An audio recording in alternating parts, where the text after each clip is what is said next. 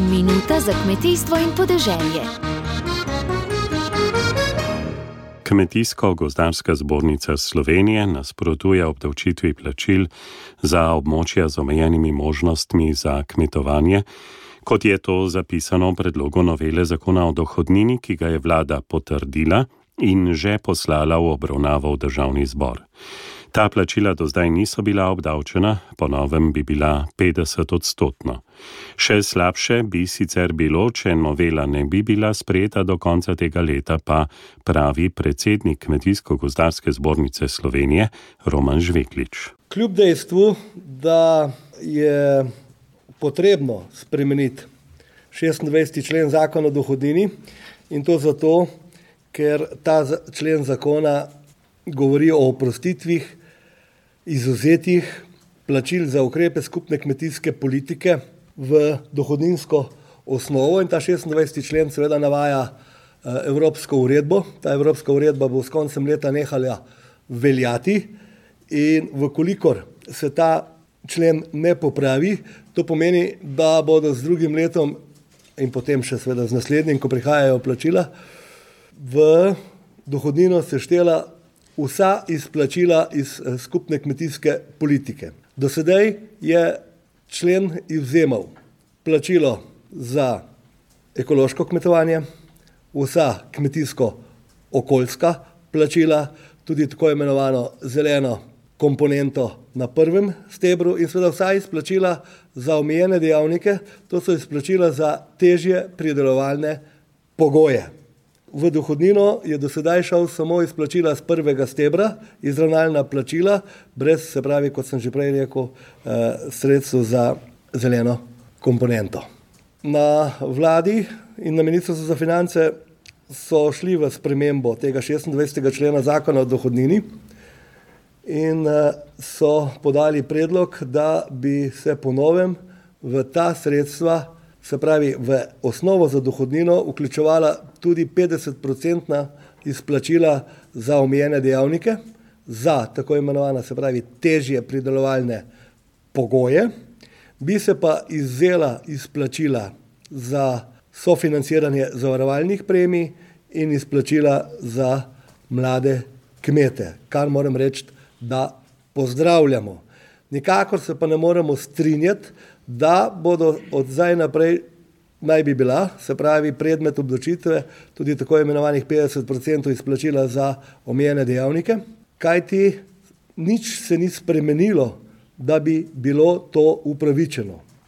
Na Ministrstvu za finance so govorili, da se je katastarski dohodek znižal in da zato, se pravi, naj bi to bil predmet obdočitve, kar seveda ne drži.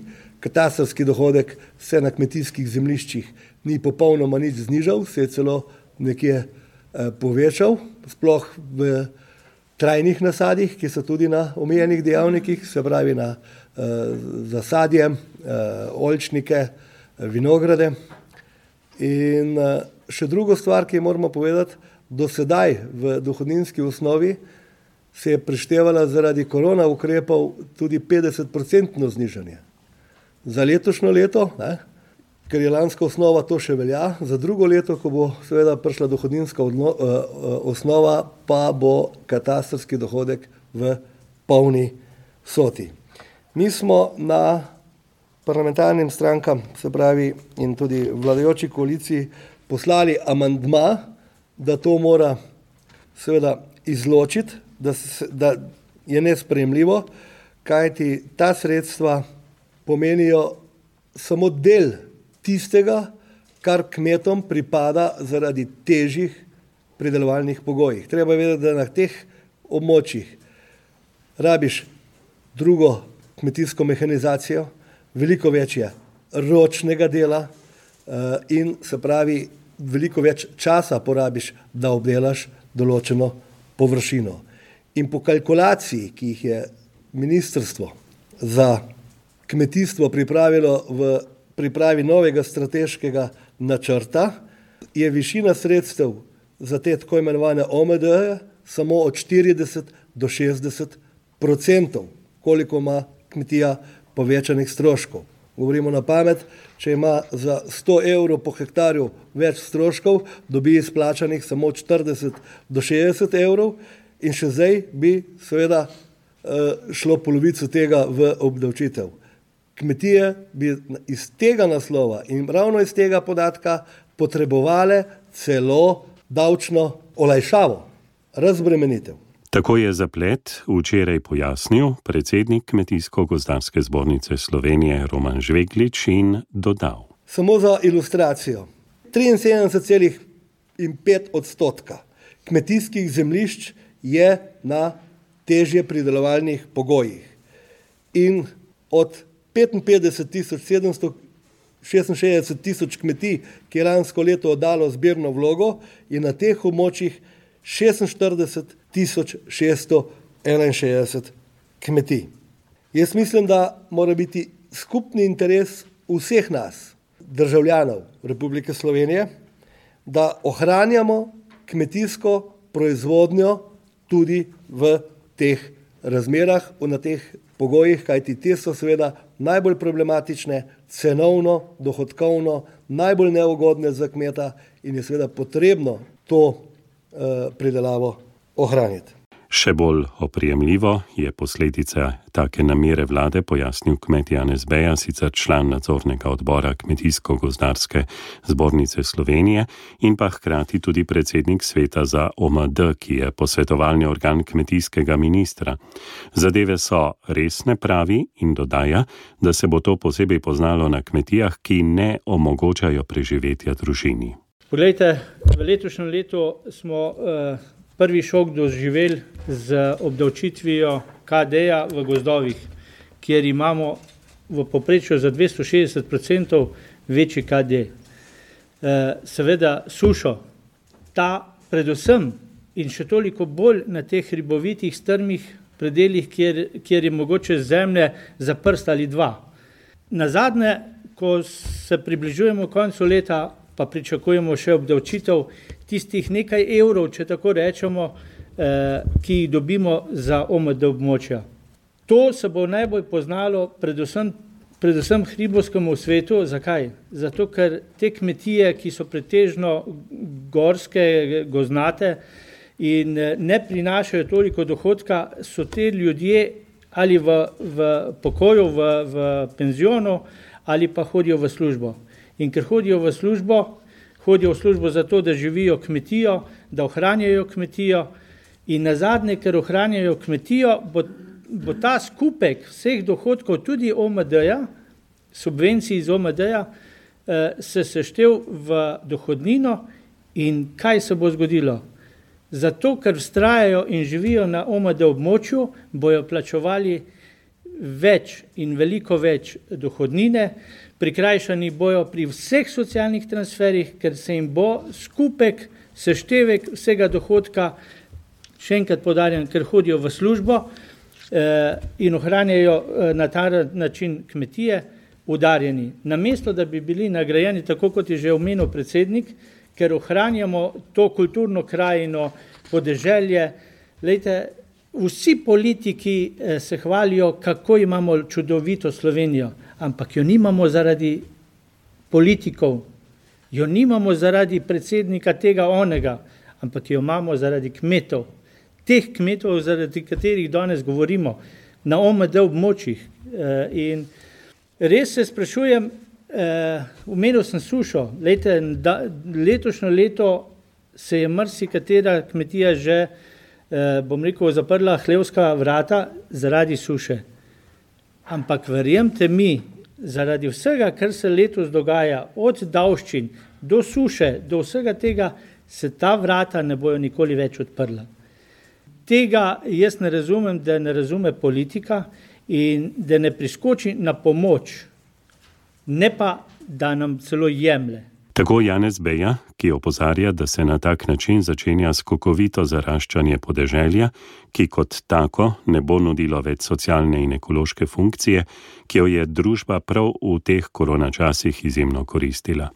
Ob vsem je opozoril še na stanje s prenamnožitvijo divjadi in zveri, ki bodo o popuščanju kmetijstva v teh področjih hrano iskale v urbanih središčih. Kmet Janez Beja pa je opozoril na še en vidik. Politika se namreč zelo hvali z vsakim evrom sredstev, ki jih nameni za kmetijsko področje. Res pa je, ne. Lejte, eh, jaz sem se štejem že med stare, ne.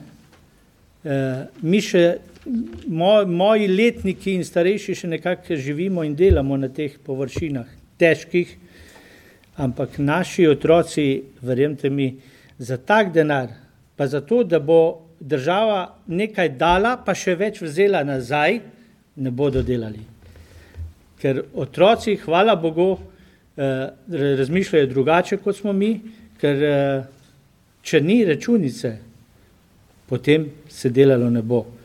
Eh, ker vsaka še tako nizka plača ali minimalc prinese več kot ta, te strme kmetije, pa še nekaj je.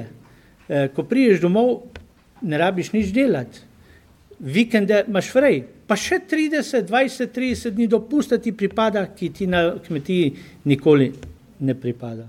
Tako da resnično jaz verjamem in upam, da bo oblast eh, sprevidla in da ne bo obdavčila eh, ta OMD, ker eh, moram pa tudi to priznati. Ne? V prejšnji ponedeljek smo imeli svet za OMD, In uh, tu moram povedati na glas, da ministrica je na naši strani, uh, da nasprotuje tej obdavčitvi, ker zgleda, da se tudi resnično malo zaveda, da to so zelo težki obdelovalni pogoji in tu se ne kuje dobiček. Uh, ampak prav zaradi tega, ker sem prej govoril, da ohranimo takšno podeželje, kot ga imamo, je tudi ministrica na naši strani in bom rekel na strani tega, da se ta OMD ne obdavči. Prav zato so na Kmetijsko-gozdarski zbornici Slovenije v državni zbor poslali amandma, ki bi ta zaplet rešil, pravi Roman Žveglič. Zapleta pa se na še enem področju. Glavno breme tukaj ne bo samo v višini više dohodnine, tudi to bo, ampak vseh povezanih ostalih transferjih socialnih. Ne? Eh, plačilo vrca, niže štipendije, više eh, sobe za študence, tisti pač kmetje, ki to imajo. Zato smo še enkrat podarjam v državni zbor poslali amandma, kjer seveda zahtevamo, da ostane tako, kot je sedaj, da plačila za omejene dejavnike niso predmet obdavčitve in predstavljajo zgolj nadomestilo za više stroške in za manjši pridelek in izpad prihodkov tudi zaradi bolj zahtevnih tehnologij na zakmetovanje na tem področju. Bi pa seveda zdaj rad poudaril še uh, eno točko, to je zakon o dohodnini okoli položaja normirancev. Ta stvar ne, ni še čisto jasna. Mi smo na Ministrstvu za finance zaprosili za odgovor, rečeno je, da ga bomo dobili, da so dali v direktoratu za proučevanje.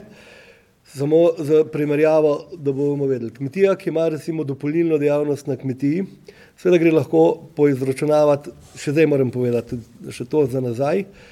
Te stvari se tičejo te dohodnine in tako naprej samo za tiste kmetije, katere so na pavšalu. Za tiste kmetije, ki so na knjigovodstvu, na dejanskih stroških, tam se seveda to ne tiče. Tam so vsi prihodki, se računajo kot prihodek, potem se eh, dajo izdatki, odhodki in seveda kaj ostane, ostane. Ne. Takih kmetij v Sloveniji dobrih 600, ki so na knjigah ne. in seveda ministrstvo za finance dobro ve, da po izračunih, po pogledu v te bilance, te kmetije ne plačujejo dohodnine, ker so seveda stroški na kmetijah večji kot pa, eh, kot pa prihodki in potem seveda tudi ni, eh, ni dohodka in posledično tudi ni plačila dohodnine. Kar se tiče pa pri normirancih, kmetija, ki ima dopolnilno dejavnost, ne predelavo mleka, kakorkoli, seveda se lahko izbere ali gre na dejanske stroške ali na tako imenovane normirane stroške. In seveda mi imamo priznanih 80% normiranih stroškov in gre 20% ostanka v dohodnino.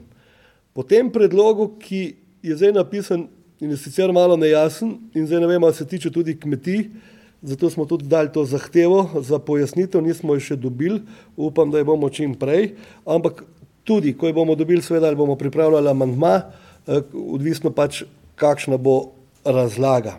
Po novem predlogu naj bi bili normirani stroški samo 40 odstotkov. To pa seveda ne gre skozi, sploh ne v dopolnilni dejavnosti na kmetijah, kajti to ni eh, finančni inženiring. Ne moramo zdaj obravnavati enako finančni inženiring ali pa eh, predelava mleka na kmetiji. Kajti samo mleko ne, v produktu končnem ima že več kot 40 eh, stroškov. Kje je potem še uprema, kje je še delo, kje je embalaža, kje je energija. Mi smo si vse skozi zahtevali, da bi bili ti normirani stroški 90 odstotkov, so 80, ne, ne more biti pa 40 odstotkov. Zato je to nespremljivo. Obeta se torej še en amandma Kmetijsko-gozdarske zbornice Slovenije, povezan z obdavčevanjem dopolnilnih dejavnosti na kmetijah. Postavlja pa se vprašanje, koliko sredstev, ki so v okviru skupne evropske kmetijske politike namenjena OMD območjem, bo dejansko država pospravila prek pobrane dohodnine v svoj proračun. Roman Žveglič pravi po novem, v novem strateškem načrtu bo teh izplačil na letni ravni 48 milijonov. Se pravi, polovico tega, ne, 24 milijonov, naj bi šlo v davčno osnovo. Seveda razdeljeno na vseh teh 46 tisoč kmetij, odvisno koliko hektarov ima kjera kmetija. Nekateri poznavalci ocenjujejo, da bi država lahko pobrala od 5 do 6 milijonov sredstev, ki bodo manjkala kmetijstvu. Roman Žveglič pa pravi, da ne more postreči z natančnim podatkom. Lete, ta, izračun, ta izračun je težko narediti. Zdaj, lahko da ga, da, da ga ministrstvo za finance ima. Drži samo nekaj, da bi v, tist, v tem trenutku pobrala 2 milijona 400 akontacije. Ne, 10% se pobere akontacije na obdočljive ukrepe kmetijske politike. Se pravi, iz tega bi šlo 10% 2 milijona 400 akontacij. Koliko bi pa potem zdaj država mogla vrniti? Koliko bi pa kmetije morale še doplačati? Se pravi, bi šla akontacija in še vse ostalo, pa mi zdaj te simulacije nimamo, niti jo nismo pridobili na Ministrstvu za finance. Vsi skozi so govorili, da so to minorna sredstva. Ne, koliko pa tega je, pa ne vem. Res pa je, ne, da na tistih kmetijah, ki jih je več zaposlenih, ki, ve, ki imajo večje KDE, se tudi ukrepi kmetijske politike razdelijo na družinske člane in grejo potem v dohodnino na več oseb. Ne. Se pravi, najbolj predzaden je tisti, ki je sam, se pravi, eh, na tiste, ki imajo še ostale prihodke, se pravi, pokojnine, plače ali, ali pa vsi ostali transferji, ki pridejo, obdočljivi na kmetijo. Postavlja se tudi vprašanje, če vlada namerava na ta način čim več kmetij prisiliti, da bi se odločile za vodenje knjigovodstva. O tem se je namreč precej govorilo med sejmom Agra v avgustu. Roman Žveglič ob tem zmajuje z glavo in opozarja na še en paradoks, ki je verjetnejša pot do tega, da se v državno blagajno nateče več denarja. Glede, to je iluzorno pričakovati. Uh, teh kmetij, mi smo v preteklosti že imeli ta prak 7500 evrov uh, dohodka na kmetiji, ki je bil stop za obvezno knjigovodstvo, ampak so potem se pač token to kmetij mogli dati in so potem videli, da je verjetno ta davčni izplen tako mehen, ker ti to pomeni še tudi potem kontrolo in so potem dali odvezo. Ne? Lahko si vsak uh, izšel ven in zdaj imamo zadnja leta um, drastično izstopanje. Bilo je teh kmetij že več kot 1500, zdaj jih je še kol dobrih 600 iz uh, tega sistema, kaj ti to ne pomeni samo to, ker, ker je nelogično, ne, da boš ti zdaj plačal, ne vem, uh, 2000 evrov uh, enim računovodskim servisu na leto, ne, zato da ne boš državi nič plačal, pa naj daš državi 500 evrov ali jurja, pa da nimaš uh, ker si še vedno na boljšem. Imáš manj stroškov in nimaš dela, nimaš kontrol, nimaš, nimaš vsega tega. Uh, tako da pričakovati, da bi se ne vem koliko kmetij šlo v knjigovodstvo, um, je nespremljivo, sploh če vemo, da to je 45 tisoč kmetij v Sloveniji, ki obdeluje manj kot 10 hektarjev zemlje. Ja, govorili so eh, o, o nekem knjigovodstvu, ampak tisti mislim, da ni zrastel na zelniku ministrstva za finance, ampak na, nekem, na nekih drugih glavah. Ker so govorili o prihodkovnem knjigovodstvu, kar pa sploh ne vem in se ne znam predstavljati, kaj bi to pomenilo. Prihodkovno knjigovodstvo, ne? To lahko pomen, da boš prikazal, da ima nekdo ogromen prihodek, v bistvu imel pa še večji, večji odhodek. Ne? Ampak, ne vem, ne? Se ima lahko nekdo tudi milijonski prihodek, pa ima lahko več kot milijon uh, stroškov. In, in kaj to pomeni? Ta, ta podatek je za vreč v košne. In kaj bodo na Kmetijsko-gozdarski zbornici Slovenije storili, če poslanci njihovih amandmajev pri obravnavi novele zakona o dohodnini ne bodo upoštevali? Najprej kot prvo upamo, da bo zakon do novega leta sprijet. Ne? Ker če ne bo sprijet, pa pomeni, ne, da imamo drugo leto kompletni eh, OMD v dohodnini, eh, do naslednjega leta, potem, ko so kredino plačila za omejene dejavnike, so izplačane v letu za leto. Ne? Vse ostalo so z zamikom, ne? se pravi drugo leto za leto nazaj. Ne? Tako da lahko imamo potem še eno leto čas, da zadeve kakorkoli popravimo, eh, pa tudi tako se naj bi pripravljala neka davčna reforma, tako da upamo, da bomo lahko tam tudi kakšne te stvari eh, poenostavili v, v neki uh, strokovni skupini. Pravi Roman Žveklič. Vsekakor pa veliko pove dejstvo, da naj bi kmetijska ministrica v davčitvi OMD plačil nasprotovala, kar pa pomeni, da je bila na vladi preglasovana in da tudi predsednik vlade še ni upošteval njenih argumentov. To pa je vsekakor slaba popotnica za prihodnost slovenskega kmetijstva. Dobro se je zavedati, kmetijstvo nas vse preživlja.